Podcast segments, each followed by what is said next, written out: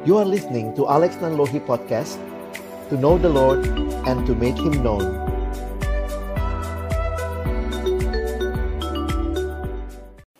Mari Bapak Ibu, Saudara yang dikasihi Tuhan, sebelum kita membaca merenungkan firman Tuhan, kita berdoa.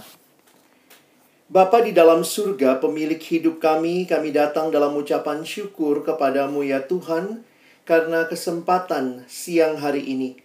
Dari berbagai penjuru tanah air kami dikumpulkan bersama-sama secara virtual. Kami boleh datang beribadah, memuji, memuliakan namamu. Dan tiba waktunya bagi kami untuk membuka firmanmu ya Tuhan. Kami mohon ketika kami membuka firmanmu, bukalah juga hati kami. Jadikanlah hati kami seperti tanah yang baik.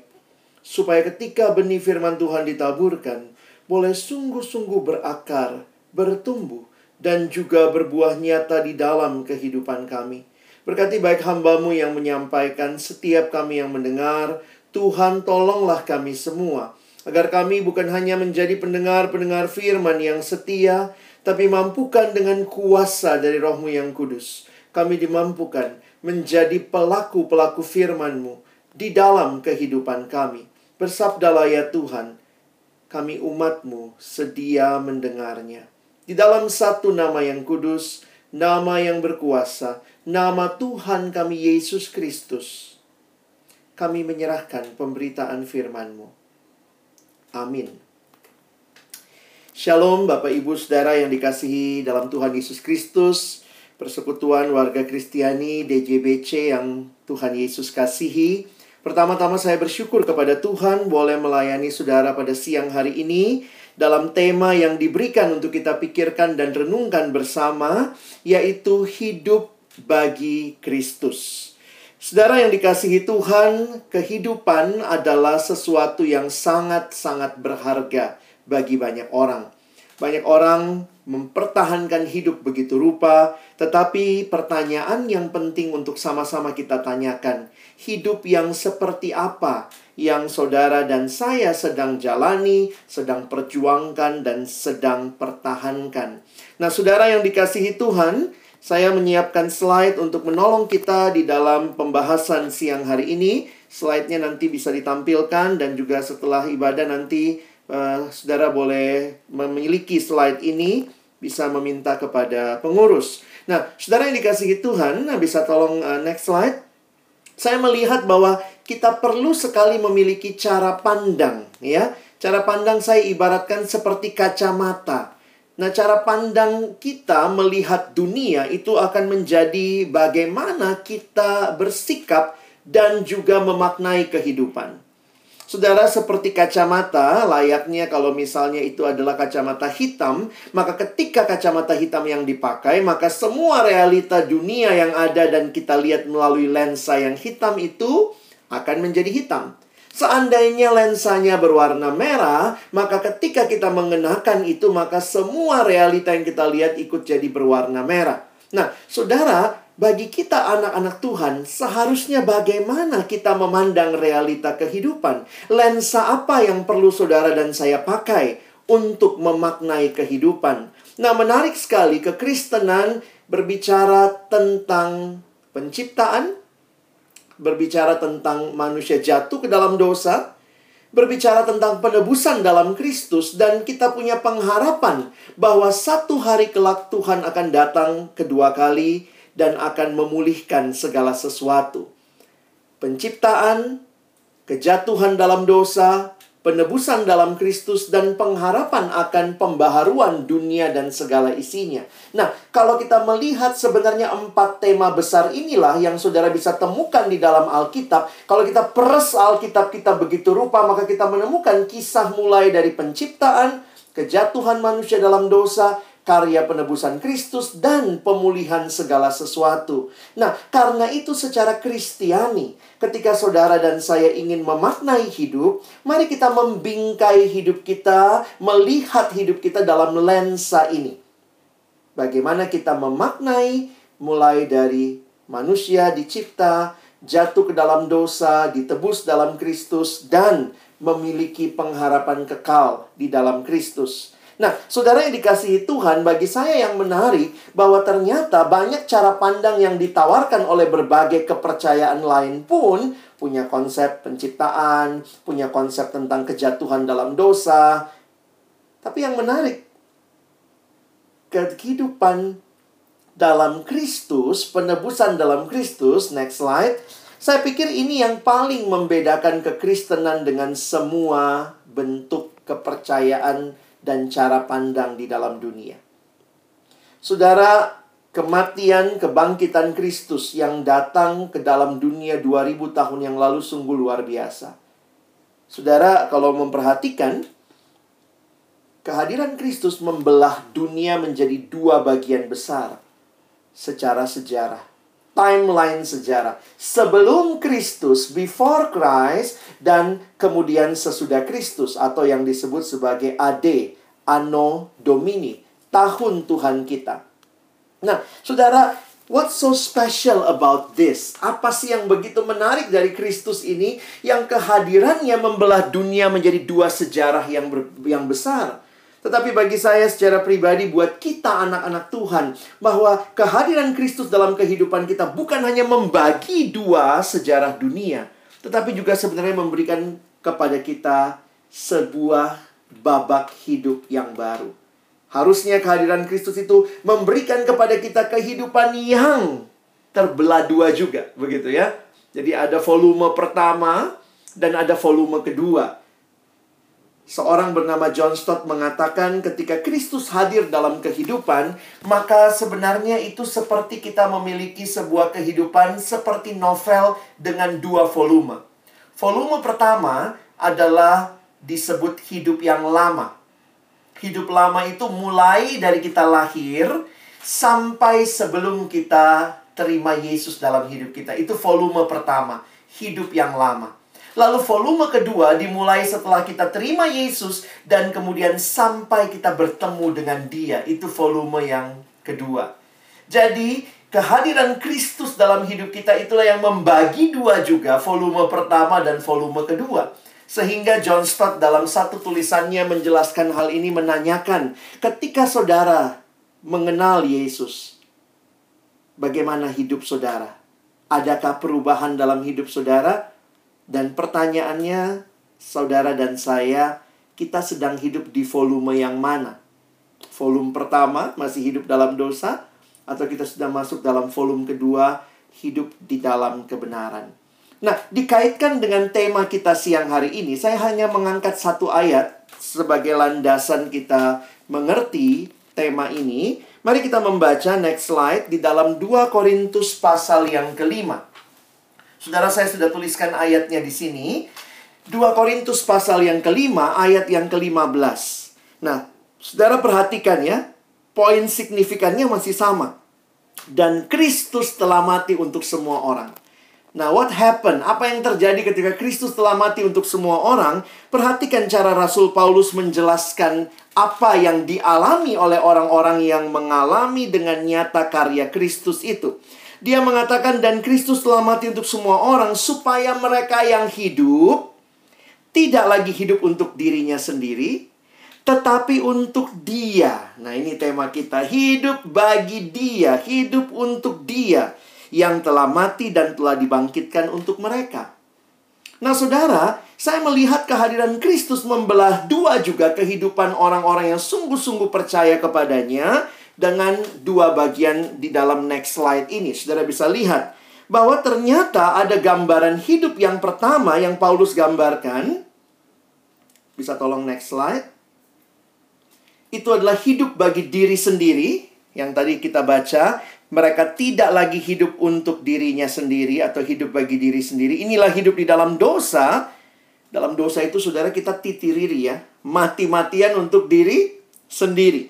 Nah, Kemudian perhatikan, sekarang kita hidup bagi Kristus, hidup untuk Kristus, hidup untuk kebenaran. Jadi saya ingin mengajak kita memperhatikan tema ini dengan melihat bagaimana kenapa kita harus hidup untuk Kristus. Karena realitanya kita ini manusia dalam dosa, sebelum kita kenal Kristus, kita itu hidup bagi diri kita sendiri. Nah, next slide. Saya ingin mengajak kita survei sedikit mulai dari perjanjian lama. Secara cepat kita akan melihat bagaimana semua ini dalam perspektifnya Allah. Ke mana, ke, bagaimana saudara dan saya bisa hidup bagi Kristus. Nah, mari kita lihat dulu apa sih yang terjadi sehingga Alkitab mengatakan, Rasul Paulus mengatakan, manusia hidup bagi dirinya sendiri. Bukankah waktu Allah menciptakan kita pertama kali, mari kita lihat penciptaannya, next slide. Alkitab mengatakan bahwa manusia diciptakan segambar dan serupa dengan Allah. Di dalam gambar Allah, God created man in his own image. Nah, muncul pertanyaan teologis yang menarik, saudara, untuk kita perhatikan. Ketika Allah menciptakan manusia, Allah menciptakan manusia untuk siapa? Nah, ini jadi menarik ya. Allah menciptakan manusia untuk siapa? Kadang-kadang kan kita langsung nanyanya untuk apa ya. Sebelum bicara untuk apa, Allah menciptakan manusia untuk siapa? Nah, menarik sekali kalau kita mempelajari dan melihat bahwa sebenarnya Allah menciptakan manusia bagi dirinya sendiri. Karena itu, uh, Santo Agustinus, seorang yang sangat terkenal di dalam sejarah gereja, mengatakan kalimat berikut. Next slide. You have made us for yourself, O Lord, and our hearts are restless until they rest in you. Wah, ini permainan katanya menarik ya. Tuhan engkau menciptakan kami bagimu dan hati kami tidak akan tenang sampai kami beristirahat di dalam engkau. Nah, saudara yang dikasihi Tuhan, inilah yang penting kita pahami tentang kehidupan. Karena ini awalnya Tuhan menciptakan kita. Tuhan menciptakan kita bagi dirinya. Sehingga ketika saudara dan saya yang hidup di dalam dunia yang dicipta oleh Allah, sadar atau tidak, kita memiliki tujuan yang harusnya seirama dengan pencipta kita.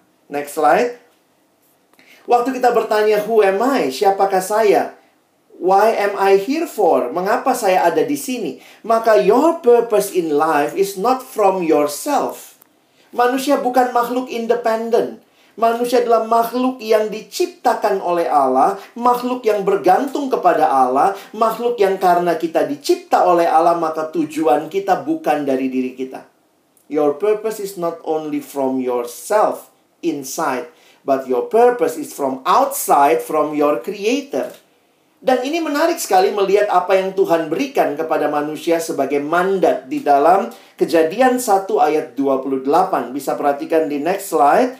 Kejadian 1 ayat 28 di dalam bahasa Indonesia dikatakan beranak cuculah, bertambah banyaklah, penuhilah bumi dan taklukkanlah itu. Ini mandat atau perintah yang Allah berikan untuk manusia. Next slide perintah untuk be fruitful and become many and fill the earth. Nah, saudara, apa yang kita perlu pahami dulu tentang hal ini? Saya mau menarik makna teologis bagi kita yang sesuai dengan apa yang seharusnya kita pahami sebagai makhluk ciptaan. Ini konsekuensi ciptaan. Tuhan ciptakan kita, lalu Tuhan tempatkan kita di dalam dunia miliknya. Nah, menarik sekali. Next slide, kita perhatikan di sini mengingatkan kita bahwa owner yang sesungguhnya adalah Allah. God's ownership. Bagaimana dengan kita manusia? Maka manusia kita sebenarnya adalah steward. Atau bahasa Indonesia sering kali menerjemahkan sekarang dengan istilah penata layan. Kita bukan owner. Kita cuma steward. Kita bukan pemilik segala-galanya. Nah, ini yang penting sekali kita ingat. Kadang-kadang memang manusia lupa diri, saudara ya. Manusia berpikir manusialah pemilik segala-galanya. Saya sering kali kasih contoh yang agak ekstrim. Bayangkan kalau misalnya saudara ngekos, misalnya ada yang yang mungkin masih single atau yang mungkin masih jauh dari lokasi uh, daerah asalnya, dia tinggal di dekat kantor, dia ngekos Bayangkan kalau malam-malam, ini dibayangkan ya saudara, jangan dilakukan. Do not try this at home. Kalau saudara keluar dari kamar kos, misalnya biar agak seru, malam-malam, saudara keluar jam 12 malam, lalu kemudian saudara kasih pengumuman. Lalu saudara kasih pengumuman, Hai semua penghuni kos. Wah, di tengah malam jam 12 ngomong begitu, Orang pada bangun, keluar semua dari kamar, lalu orang nanya, ada apa? Lu kok teriak-teriak malam-malam? Lalu saudara bilang, saya mau kasih pengumuman. Mulai malam ini, kosan ini punya saya. Saudara, saya pikir kalau saudara lakukan itu, orang akan mengatakan saudara miring, gila, ritik, gitu ya.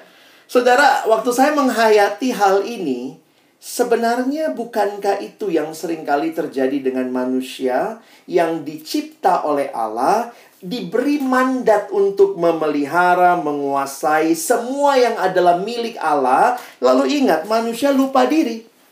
Manusia berpikir dia adalah owner. No. Kita cuma steward. Kita cuma penata layan. Nah, karena saudara Malam-malam teriak-teriak, ibu kos juga bangun. Ada apa nak? Kok teriak-teriak malam-malam lalu ibu kos bilang begini. E, bisa saya bantu? Kenapa malam-malam teriak-teriak? Lalu kamu bilang sama ibu kos. Tante, pemilik kos. Saya cuma mau ngasih pengumuman tante. Barusan saya kasih pengumuman. Mulai malam ini, kosan ini punya saya. Saya pikir ibu kos juga akan menganggap saudara miring.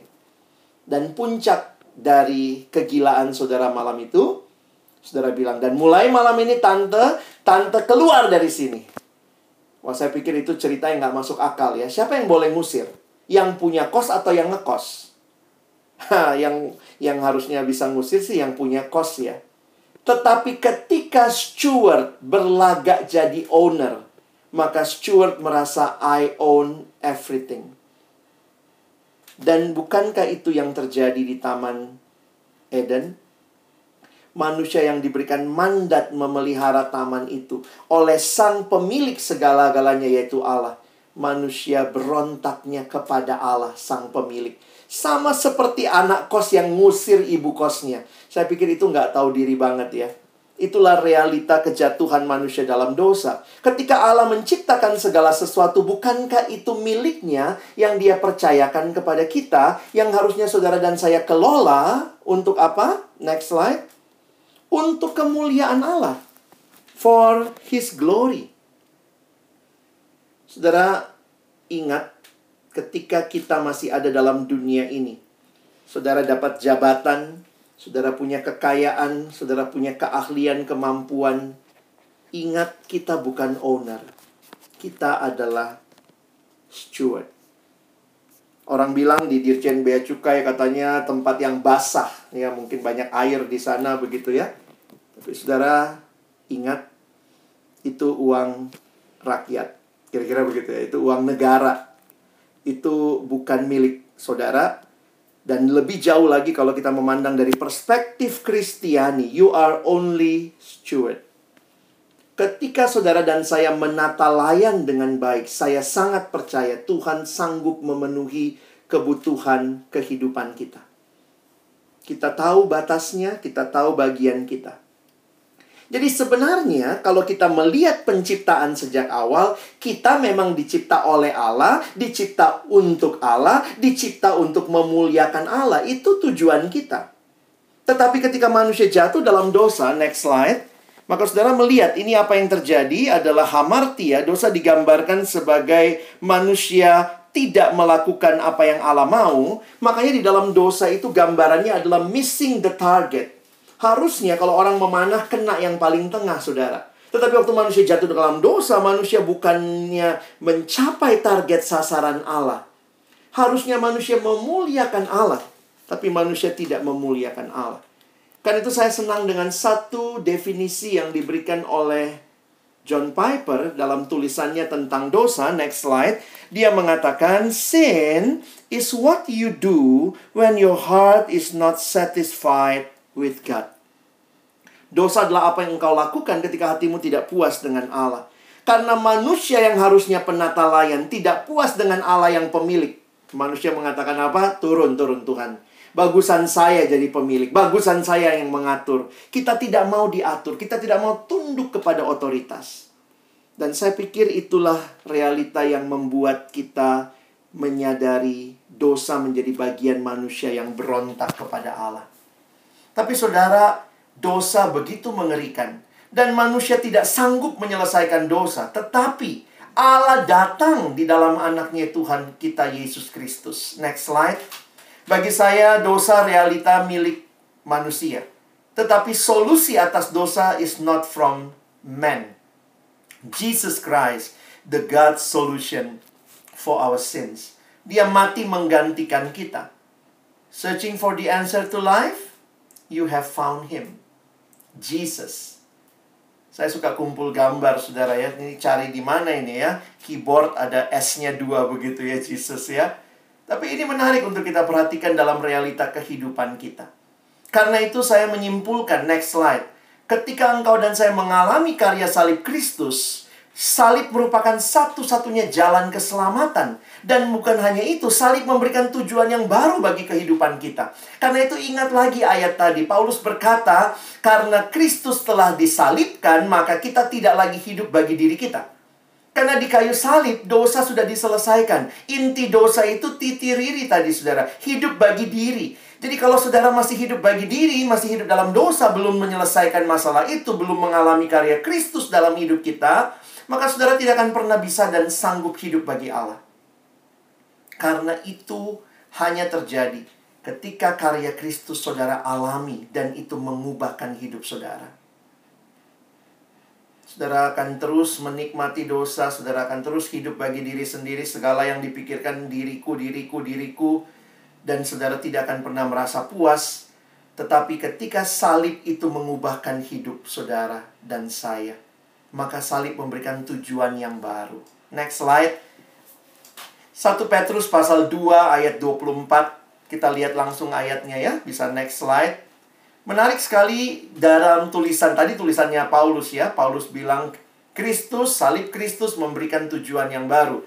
Next slide, coba lihat ini kalimatnya Petrus. Petrus berkata, ia, Yesus, sendiri telah memikul dosa kita di dalam tubuhnya di kayu salib. Supaya kita, yang telah mati terhadap dosa, hidup untuk kebenaran oleh bilur-bilurnya kamu telah sembuh.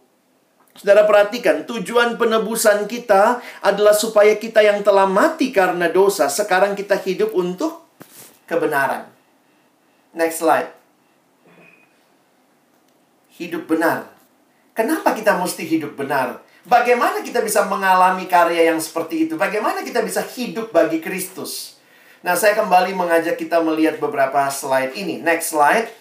Karena sebenarnya kita tuh telah dibayar lunas. Saudara orang bea cukai ngerti lah lunas-lunasan ya. Kalau dari stempel, dicap, paid full, ini sudah bebas beanya, maka dia bisa masuk, bisa dijual, dan seterusnya. Tetapi selesaikan dulu. Tetapi yang menarik, kalau kita perhatikan bahwa semuanya telah dibayar lunas di kayu salib. Next slide. Kita lihat cara Paulus menghayati hidup. Dan ini menarik nih, cara menghayati hidup. Ya, 1 Korintus 6 ayat 20. Paulus berkata, sebab kamu telah dibeli dan harganya telah lunas dibayar. Karena itu, muliakanlah Allah dengan tubuhmu. You are not your own. Kamu bukan milikmu, tubuhmu bukan milikmu. Yang bayar lunas adalah Kristus. Karena itu, muliakanlah Allah dengan tubuhmu. Next slide ayat yang tadi lagi ya. Supaya kita hidup benar. Kenapa saudara dan saya punya alasan hidup benar? Karena kita telah ditebus, harganya lunas dibayar. Dan Kristus yang menebus kita. Berarti kita milik siapa sekarang? Milik Kristus. Kalau kita milik Kristus harus hidup bagi siapa? Bukan lagi bagi diri sendiri, tapi hidup bagi Dia. Ini bukan hal yang yang sulit sebenarnya. Secara teologis kita sudah pahami, tapi mari kembali siang hari ini tanyakan, sudahkah kita yang mengalami karya Kristus itu benar-benar sedang hidup bagi Kristus? Apa artinya hidup bagi Kristus? Bukan hidup dalam kecurangan, bukan hidup dalam iri hati, bukan hidup dalam kesombongan, bukan hidup dalam kebanggaan yang salah, tetapi kita hidup dengan kebenaran. Kita berani jujur, kita mempertaruhkan harga diri kita karena Kristus sudah memberikan yang terbaik buat kita pengalaman seorang teman di birokrat ketika dia disogok. Berkali-kali disogok nggak mau. Ini zaman itu memang masih gampang sogok menyogok saudara ya. Nggak mau disogok, nggak mau disogok. Lalu ya datanglah orang itu uh, yang nyogok itu lalu dia bilang begini sama uh, teman saya ini. Dia bilang, Pak, Bapak itu mesti disogok berapa sih? Dia bilang gitu ya. Berapa deh pak? Nanti saya bilang sama atasan saya, Bapak tuh berapa sih harganya? Mesti disogok kok nggak nggak mau terima dikasih ini nggak mau dikasih ini nggak mau. Lalu kemudian teman saya dalam kerendahan hati kesadaran bahwa dia juga sebenarnya sangat rentan dia bilang saya belajar tidak terima. Kau mau tahu harga saya? Saya seharga darah Kristus yang sudah mati dan bangkit bagi saya tiba-tiba yang nyogok itu di ruangannya diam saudara. Diam, matanya berkaca-kaca. Terus kemudian dia bilang, aduh pak, maaf pak. Saya malu. Saya juga Kristen. Jadi Kristen kok Kristen saudara ya. Dan akhirnya waktu saya dengar kisah itu, saya pikir kalau saudara tahu harga yang telah Allah bayar demi menebus saudara supaya saudara dan saya hidup benar. Saudara tidak akan kompromi hanya dengan seberapa juta, hanya sekedar dapat berapa penghargaan. Hargamu dan hargaku jauh-jauh lebih mahal. Jangan kompromi, hidup bagi Kristus karena Kristus telah mati buat kita. Saudara dan saya bisa hidup. Ingat baik-baik, Kristus mati buat kita. Karena itu hidup yang kita hidupi sekarang sebenarnya bukan milik kita di dalam Galatia pasal 2 Paulus berkata, "Hidupku sekarang bukan lagi milikku, tapi Allah lah yang hidup di dalamku." Karena itu setiap kali dia menyatakan hidupnya adalah hidup bagi Kristus. Next slide. Apa respon kita? Nah, ada sebuah ilustrasi yang dibuat dalam gambar ini namanya ilustrasi roda. Dibuat oleh seorang bernama Dawson Trotman. Bapak dosen Trotman menggambarkan di dalam Kristus sebenarnya seperti sebuah roda. Roda itu yang muter mananya, saudara? Porosnya yang muter. Maka kalau di por poros di pusat hidup ada Kristus, maka itulah akan menggerakkan seluruh hidup kita. Tapi kemudian dia menggambarkan ada dua jari-jari, satu yang vertikal, melambangkan hubungan dengan Allah, satu yang horizontal, melambangkan hubungan dengan sesama. Karena itu digambarkan ini seperti ilustrasi sekolah minggu ya. Adik-adik bagaimana bertumbuh? Baca kitab suci, doa tiap hari kalau mau tumbuh. Seharusnya hidup kita yang ada dalam Kristus memiliki relasi dengan Tuhan. Kita bicara sama Tuhan ke atas namanya doa. Tuhan bicara kepada kita melalui firman Tuhan. Itulah gambaran garis yang vertikal. Tapi bukan hanya itu, saudara. Kita juga punya relasi dengan sesama, diwakili dengan garis yang horizontal. Maka perhatikan ada dua bentuk. Yang ke dalam dengan sesama orang percaya, kita harus rajin bersekutu. Dan bagi mereka di luar yang belum percaya, maka kehadiran kita, kehadiran saudara dan saya adalah untuk bersaksi. Jadi, kalau kita melihat gambar ini sebenarnya lagu sekolah minggu perlu dilengkapi ya. Baca kitab suci doa tiap hari rajin bersekutu dan giat bersaksi.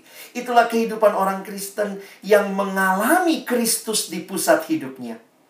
Kalau saudara hidup bagi Kristus alamilah relasi dengan Tuhan dan juga relasi dengan sesama. Saya tutup dengan beberapa slide ini. Next slide Nah, ini gambarannya aktivitas rohani yang mungkin Bapak Ibu harus bangun terus dalam hidup beriman kita. Engkau mau hidup bagi Kristus, nikmati relasi dengan Kristus, relasi dengan sesama. Next slide, ada pepatah Afrika mengatakan, If you want to go fast, go alone. But if you want to go far, go together. Nasihat firman Tuhan bagi kita, sesama anak-anak Tuhan, di PWK, DJBC, saya harapkan mari kita bangun persekutuan kita. Bersyukur dengan online seperti ini dari berbagai daerah bisa berkumpul, tapi kiranya kita benar-benar merindukan saling membangun satu sama lain. Ini juga bagian wujud kita hidup bagi Kristus. Hidup dalam komunitas yang sama-sama bertumbuh. Saya pikir biarlah komunitas ini menjaga kita yang ada di Dirjen Bea dan Cukai supaya benar-benar punya hidup yang lurus bagi Tuhan. Dengarkan nasihat firman Tuhan menutup pertemuan kita. Next slide. Ibrani 10 ayat 24 dan 25. Saya akan bacakan semua ada di screen dalam dua slide berikut. Next. Dan marilah kita saling memperhatikan supaya kita saling mendorong dalam kasih dan dalam pekerjaan baik. Ayat 25, next slide.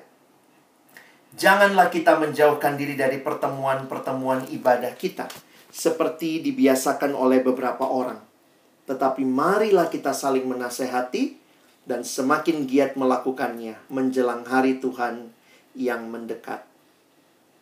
Bapak Ibu, untuk mudah mengingat, saya selalu ingat salib. Salib itu punya dua dimensi tadi. Dimensi vertikal, hubungan dengan Allah. Mari bangun. Hidup yang terus bergantung dengan Allah, baca firman Tuhan, berdoa, bangun mesbah keluarga. Bapak Ibu, saya lihat ada beberapa dengan istri, dengan suami, ikut ibadah ini, mari bangun kehidupan rohani keluarga yang kuat. Tapi bukan hanya itu. Salib juga punya dimensi hori, horizontal. Bangun persekutuan. Bangun PWK ini bersama-sama. Kita beribadah di waktu-waktu yang diberikan kepada kita. Dan mari kita melayani, bersaksi.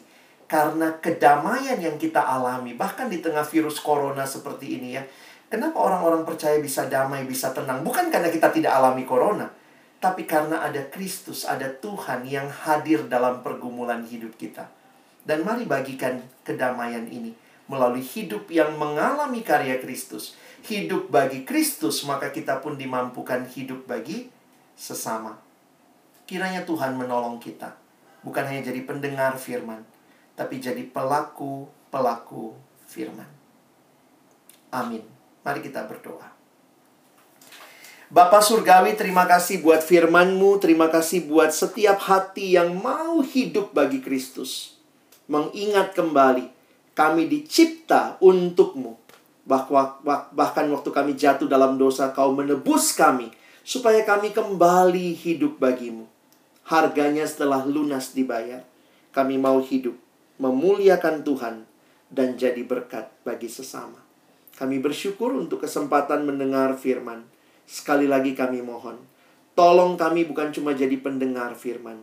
Mampukan kami jadi pelaku-pelaku firman-Mu di dalam kehidupan kami, di dalam pekerjaan kami. Supaya kami pada akhirnya tidak mempermalukan Tuhan, tapi benar-benar mempermuliakan Tuhan. Dalam nama Yesus kami berdoa. Amin.